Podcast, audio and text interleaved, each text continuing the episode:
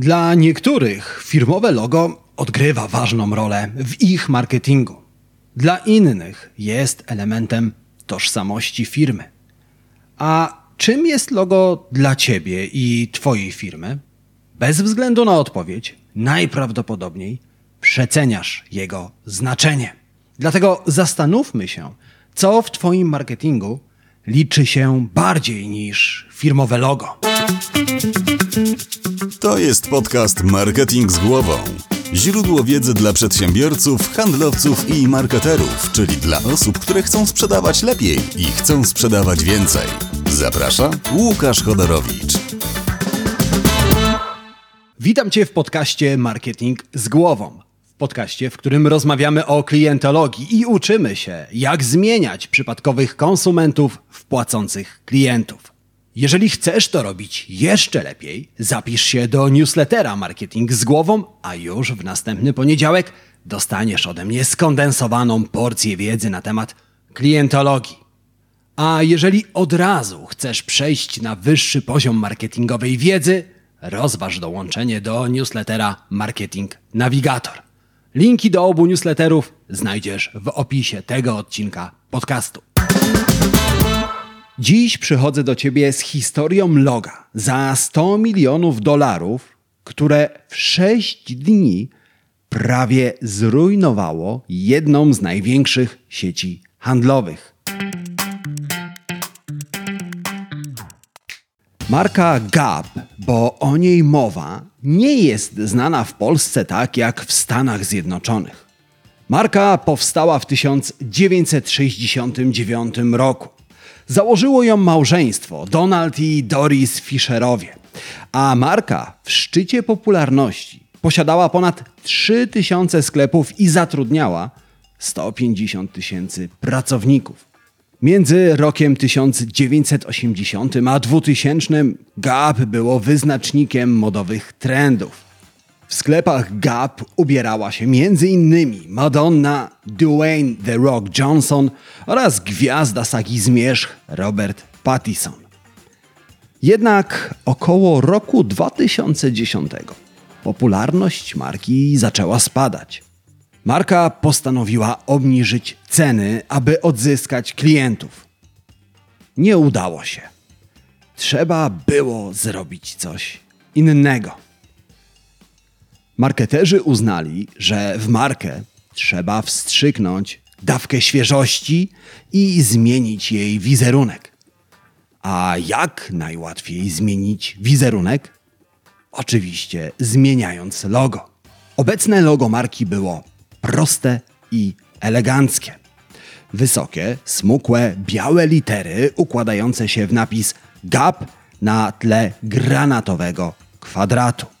Nic specjalnie wyszukanego, ale miało w sobie to coś. Właśnie zbliżały się święta Bożego Narodzenia. Wir zakupów zdawał się być najlepszym momentem, żeby na nowo rozpalić w konsumentach miłość do marki. 6 października 2010 roku marka zaprezentowała światu nowe logo. Tym razem litery były czarne, znacznie grubsze i jeszcze prostsze. Granatowe tło zniknęło, a zamiast niego pojawił się niewielki granatowy kwadrat, który częściowo łączył się z literą P. Im dłużej patrzę na logo, tym bardziej przypomina mi ono clipart, grafikę dołączaną do dokumentów Worda. Cliparty były szalenie popularne w latach 90. Zdaje się, że w roku 2010 klienci Gap doszli do takiego samego wniosku. Najpierw w mediach społecznościowych pojawiły się konta parodiujące nowe logo marki. Na profilach pojawiły się wpisy od ludzi, którzy oferowali, że za darmo poprawią logo. Następnie powstały strony internetowe, na których internauci mogli zaproponować swoją wersję nowego loga Gap. Skrzynki mailowe w siedzibach Gap pękały w szwach. Praktycznie każdy mail zawierał załącznik. logo, które wyglądało lepiej niż nowy znak Gap. Sześć dni później, 12 października, marka Gap przełknęła gorzkie lekarstwo, przyznała się do błędu i wróciła do starego loga. Nowe logo kosztowało markę 100 milionów dolarów i prawie wpędziło markę do grobu. Wszystko dlatego, że Gap przywiązywał do swojego loga zbyt dużą wartość. Firmowy znak możemy porównać do Twojego imienia. Imię to pierwszy element Twojej tożsamości. Coś, co od samego początku było tylko Twoje. Dla nowej firmy podobne znaczenie ma właśnie logo. Zanim firma założy stronę internetową, znajdzie siedzibę, zdobędzie klientów, ma już swoje logo. To ta pierwsza własna firmowa rzecz. Z czasem Twoje imię nabrało praktycznego znaczenia. Odróżniało Cię od innych ludzi. Po imieniu mama wołała na obiad właśnie Ciebie, a nie inne dziecko biegające po podwórku. Koleżanki i koledzy używali Twojego imienia, żeby właśnie Ciebie zaprosić na urodziny. W biznesie sądzimy, że logo odgrywa podobną rolę. Pomaga odróżnić się od pozostałych podobnych firm na rynku. Problem polega na tym, że w życiu samo imię to zbyt mało, żeby odróżnić się od innych. W Polsce imię Anna nosi ponad milion kobiet. Zatem jest prawie pewne, że w swoim bliskim otoczeniu znasz przynajmniej jedną osobę, która nazywa się tak samo jak ty. Podobnie jest w przypadku firm i ich logotypów. W branży weterynaryjnej na przykład dominują loga z pieskami i kotkami w różnych kolorach, najczęściej niebieskich i zielonych. A więc w gruncie rzeczy wszystkie te loga są do siebie podobne. A to oznacza, że tracą swoją podstawową właściwość i przestają się wyróżniać. Ktoś mógłby powiedzieć, że od taki urok branży i na rynku weterynaryjnym nic innego stworzyć się nie da. Cóż, być może. Jednak to kolejny dowód na to, że logiem coraz trudniej odróżnić się od pozostałych firm. W takim razie być może logo pomoże Ci chociaż zdobyć nowych klientów i przekona niezdecydowanych do zakupu. Tak, ale tylko pod warunkiem, że konsumenci rzeczywiście kupują pod wpływem loga. Tak naprawdę logo ma decydujące znaczenie tylko w przypadku silnych marek.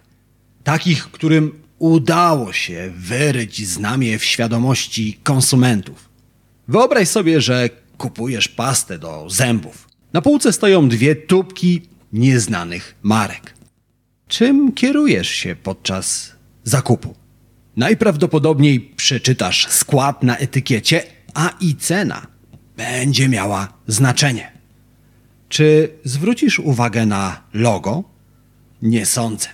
A teraz wyobraź sobie, że obok stoi trzecia pasta w czerwono-białej tubce z logiem, które doskonale znasz. W tym zestawieniu dla większości ludzi wybór staje się oczywisty. Wybieramy to, co znamy. Dlatego Twoje logo jest ważne, o ile Twoja marka jest rozpoznawalna. W przeciwnym razie, cóż, znowu przywiązujesz do loga zbyt dużą wagę. No okej. Okay. Skoro logo nie pomaga wyróżnić się ani wpłynąć na decyzje zakupowe, to może chociaż pomoże wzbudzić zaufanie wśród klientów. W końcu zgodzisz się ze mną, że tego oczekujesz od swojego loga. Niestety i tu mam złe wieści.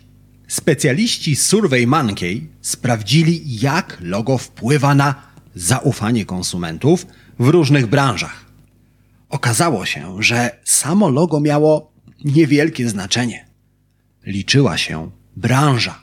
Na przykład najmniejszym zaufaniem cieszyły się firmy jubilerskie, kancelarie prawnicze oraz serwisy informacyjne. Z kolei konsumenci najbardziej ufali firmom edukacyjnym. Kształt, wzór oraz kolory loga były bez znaczenia. Czyli w branżach o ogólnie niskim zaufaniu społecznym logo niczego nie zmienia. To jednak nie wszystko. Badania przeprowadzone przez ekspertów z Oxfordu wykazały, że źle dobrane logo szkodzi. I tu naturalnie rodzi się pytanie, co to znaczy dobrze dobrane logo? Cóż, i w tym wypadku nie mam dobrych wiadomości. Projektowanie logotypów to nie nauka ścisła. Nie ma magicznej formuły, która tłumaczy, jak projektować loga, żeby klienci uznali je za odpowiednie dla konkretnej firmy. No ale i tym razem ktoś może wstać i powiedzieć: Logo Amazona, Apple'a czy Allegro to loga idealnie dobrane do tych marek. Owszem, ale nie dlatego, że ktoś je dobrze dobrał. W tym wypadku większe znaczenie ma tak zwany efekt czystej ekspozycji, czyli zjawisko psychologiczne, które sprawia, że im częściej widzisz logo, tym lepsze ci się wydaje. No, ale powiedzmy sobie szczerze, dla większości firm tak częsta ekspozycja jest poza zasięgiem.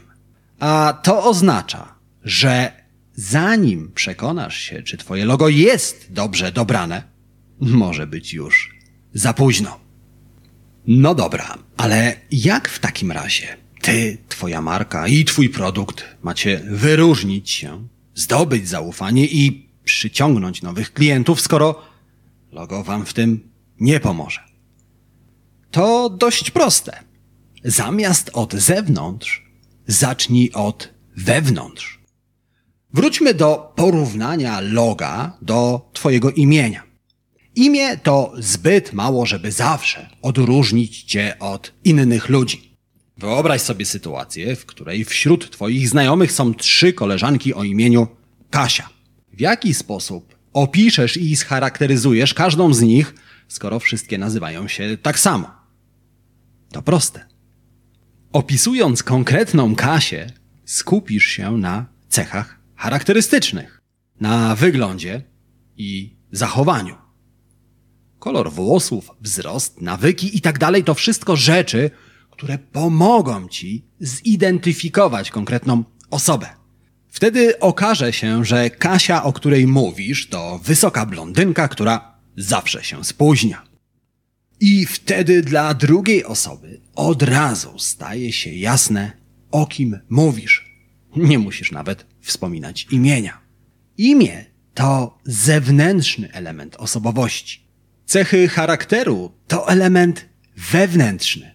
I one lepiej oddają to, kim jesteś. I podobnie jest w marketingu. Logo to element zewnętrzny. On stanowi zewnętrzną warstwę Twojej firmy. Siła marki jednak płynie z jej wnętrza. I to właśnie wewnątrz należy szukać swojego wyróżnika. Wtedy dojdziesz do wniosku, że Twoim logiem tak naprawdę jest wszystko. Twoja oferta, język marki, rytuały, kolory, dźwięki, zapachy, a nawet obsługa klienta. Każdy z tych elementów ma moc budowania wizerunku i przyciągania nowych klientów. Dlatego przyjrzyjmy się każdemu z nich. Unikalna oferta jest tym, co robisz. Jeśli robisz coś inaczej niż wszyscy, odróżniasz się od konkurencji. Jeżeli w Twoim mieście jest kilka restauracji, ale tylko jedna serwuje dania z dowozem, to założę się, że nawet nie będziesz pamiętał, jak wygląda jej logo. Natomiast doskonale będziesz wiedział, że obiad z dowozem zamówisz właśnie w tej restauracji. W tym wypadku unikalna oferta jest wyróżnikiem restauracji i sprawia, że bez względu na wszystko restauracja znajdzie klientów. Podobnie jak Zalando, które jako pierwsze oferowało swoim klientom aż 90 dni na zwrot zamówienia. Drugim elementem, który odgrywa ważną rolę w budowaniu wizerunku marki jest język. Gdy byłem nastolatkiem, do naszej paczki dołączył pewien chłopak. Dziś już nie pamiętam, jak się nazywał, ale pamiętam, że każde zdanie kończył słowami co nie. W jego ustach nawet stwierdzenie stawało się pytaniem. I na początku to charakterystyczne co nie wszystkich irytowało, ale później stało się znakiem rozpoznawczym nowego kolegi. Później nasza paczka rozpadła się i każdy poszedł w swoją stronę. Ale to nie dlatego zapomniałem imienia kolegi. Po prostu nigdy nie musiałem go znać. Dla mnie i dla wszystkich był po prostu tym, który zawsze pyta, co nie. A teraz zastanów się, o kim myślisz, gdy powiem siema albo rock'n'rollowa jazda bez trzymanki. Oczywiście o Jurku Owsiaku. Te powiedzenia stały się jego znakiem rozpoznawczym. I w przypadku Twojej marki stanie się podobnie, jeżeli zaczniesz używać unikalnego języka. Unikalny język staje się częścią osobowości Twojej marki i odróżnia Cię od konkurencji. Na rynku jest wiele restauracji typu fast food, ale tylko jedna restauracja, która mówi I'm loving it. Nawet bezpośrednia konkurencja McDonald'sa, KFC, mówi coś całkowicie innego. Finger licking good. Tych słów nie pomylisz i nie przypiszesz do innej marki. Podobnie na rynku jest wiele energetyków, ale tylko jeden dodaje skrzydeł. Trzecim elementem, który zastąpi Twoje logo, są rytuały. Unikalna oferta jest tym, co robisz. Rytuał to jak to robisz. Ciastka Oreo możesz jeść na różne sposoby, ale właściwy jest tylko jeden. Każdy, kto choć raz rozdzielił dwie połówki ciastka i zaczął jeść od kremu, wie o czym mówię. A skoro przy słodyczach jesteśmy, jakiś czas temu tylko jeden wafelek smakował o wpół do dziesiątej. Oczywiście chodzi o Knoppers. A po co sięgasz, gdy masz ochotę na przerwę? Oczywiście po KitKata. Te marki stworzyły rytuały wokół swoich produktów. I ty również powinieneś, bo rytuał, jeżeli dobrze go zaprojektujesz, stanie się znakiem rozpoznawczym twojej marki. Czymś, czego nie da się pomylić z inną marką. A jeżeli rytuał siądzie, to za każdym razem, gdy zobaczysz kogoś, kto rozdziela dwie połówki ciastka, pomyślisz o ciastkach Oreo. Nawet jeżeli ten ktoś jadł inne ciastko. Ale rytuał to nie tylko produkt, to również obsługa klienta. No a skoro przy obsłudze klienta jesteśmy, jaka powinna być udana podróż samolotem? Jedni powiedzą, że bezpieczna, inni spokojna, a jeszcze ktoś powie, że zwyczajna. I wszyscy mają rację, chyba że mówimy o liniach lotniczych Southwest Airlines. Najnudniejszy moment każdej podróży samolotem to prezentacja procedur bezpieczeństwa. Załoga stara się skupić uwagę pasażerów, którzy nadal są zajęci układaniem bagaży i zajmowaniem miejsc. Linie lotnicze Southwest znalazły na to sposób, wprowadzając zabawny rytuał. Pasażerowie pozostałych linii lotniczych dowiadują się, że najważniejszym przedmiotem na pokładzie samolotu są pasy bezpieczeństwa. Natomiast pasażerowie linii lotniczych Southwest dowiadują się, że najważniejszym przedmiotem na pokładzie samolotu jest portfel pasażera. A jeżeli pasażerowie chcą załodze zgłosić jakiekolwiek niedogodności, to powinni po prostu siedzieć cicho. W ten sposób rozpoczynają się wszystkie loty liniami Southwest, a pasażerowie linii w internecie komentują, że bilet na następny lot zarezerwują również w liniach Southwest. Tylko po to, żeby raz jeszcze doświadczyć przezabawnej obsługi klienta. Zejdźmy jednak na ziemię. Obsługa klienta, aby stała się Twoim logiem, wcale nie musi być czymś wzniosłym i rozdmuchanym oraz drogim. Pomyśl o kubku kawy z Twoim imieniem. Która kawiarnia przychodzi Ci do głowy? Oczywiście Starbucks. Koszt takiej obsługi klienta jest praktycznie zerowy, na korzyści ogromne. Trzeba jednak taką obsługę klienta wcześniej zaplanować i zaprojektować. Jeżeli zrobisz to dobrze, obsługa klienta stanie się Twoim znakiem rozpoznawczym. Podobnie jak kolejny element, któremu się przyjrzymy. Zastanów się, co pamiętasz lepiej? Logo marki T-Mobile czy kolor, którym się posługuje? Hmm, zakładam, że tak jak większość ludzi, od razu do głowy przyszedł ci bardzo konkretny odcień koloru różowego, a dopiero po chwili zobaczyłeś logo. Kolory to proste koncepty. Pamiętamy je lepiej niż skomplikowane loga. Dlatego skojarzenia oparte o kolory są silniejsze i wyraźniejsze. I z tego samego powodu niektóre marki patentują kolory i w ten sposób zabezpieczają sobie unikalność. Kolor to wygodny nośnik Twojej marki. Posłużysz się nim na firmowych ubraniach, na wizytówce, w internecie albo na opakowaniu Twojego produktu.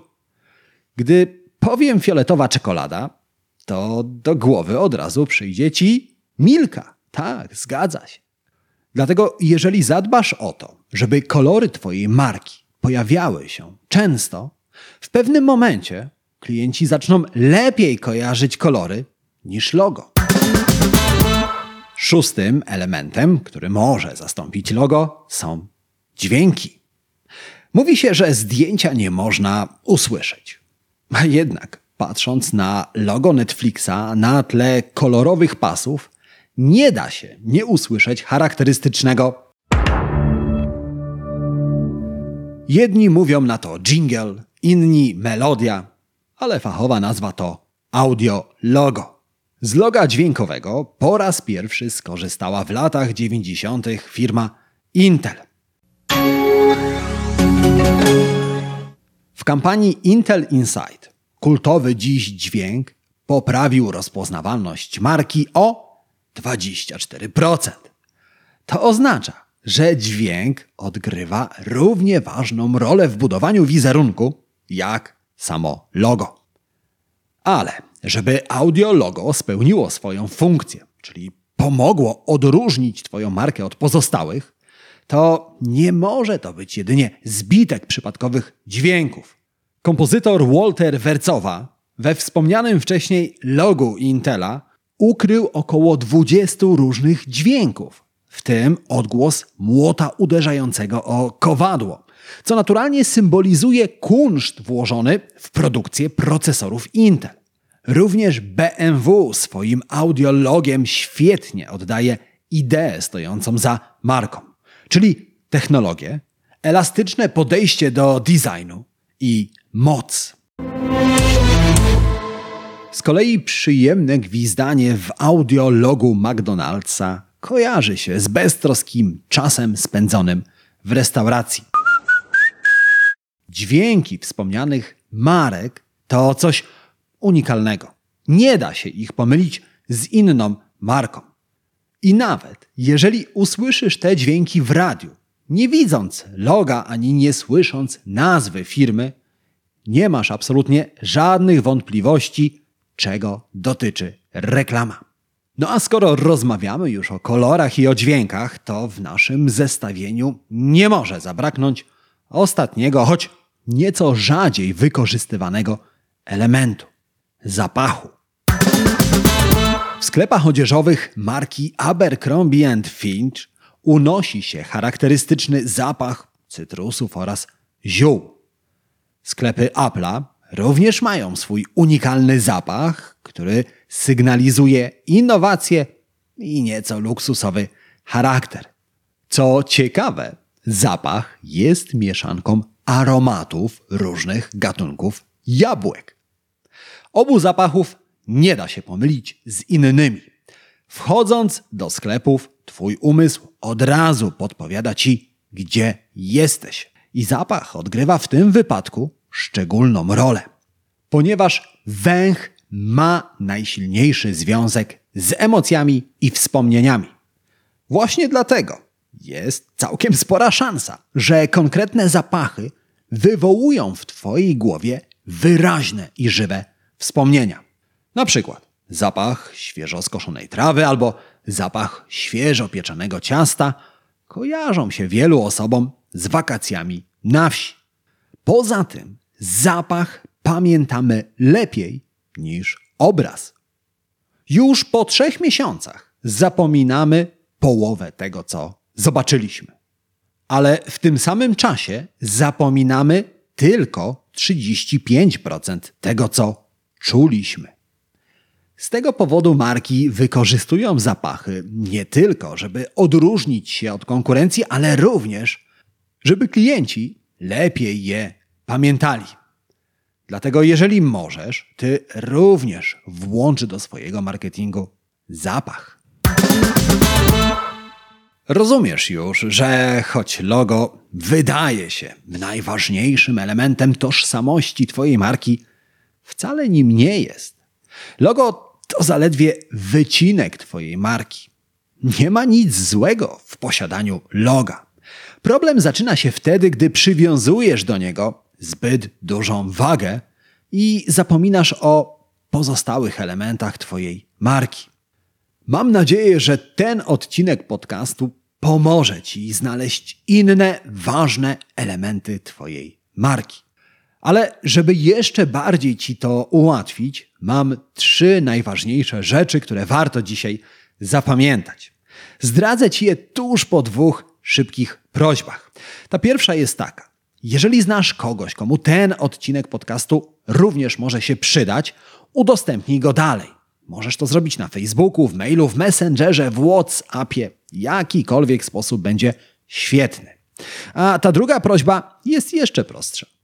Jeżeli właśnie teraz słuchasz mnie w Apple Podcast albo w Spotify, wystaw recenzję pod podcastem Marketing z głową. Obie te rzeczy zajmą Ci kilkanaście sekund, a dzięki nim wiedza z tego podcastu dotrze do osób, które jej potrzebują. A więc tym osobom pomożesz. A teraz czas na trzy najważniejsze rzeczy, które warto dzisiaj zapamiętać. Po pierwsze, pamiętaj, że logo to nie wszystko. Nie przywiązuj do niego zbyt dużej wagi. Po drugie, pamiętaj, że jeżeli z logiem przekombinujesz, to możesz sobie zaszkodzić. I po trzecie, pamiętaj, że ważnymi elementami tożsamości Twojej marki są oferta, język, rytuały, obsługa klienta, kolory, dźwięki i zapach. Jeżeli to zapamiętasz i zastosujesz, to gwarantuję Ci, że Twoja marka stanie się lepiej rozpoznawalna i zacznie przyciągać więcej klientów. I tego gorąco Ci życzę. Życzę Ci również udanego dnia, udanego tygodnia, wszystkiego dobrego i przypominam, że my słyszymy się w kolejnym odcinku podcastu Marketing z głową, marketingowego podcastu numer jeden w Polsce. Do usłyszenia, do zobaczenia. Cześć!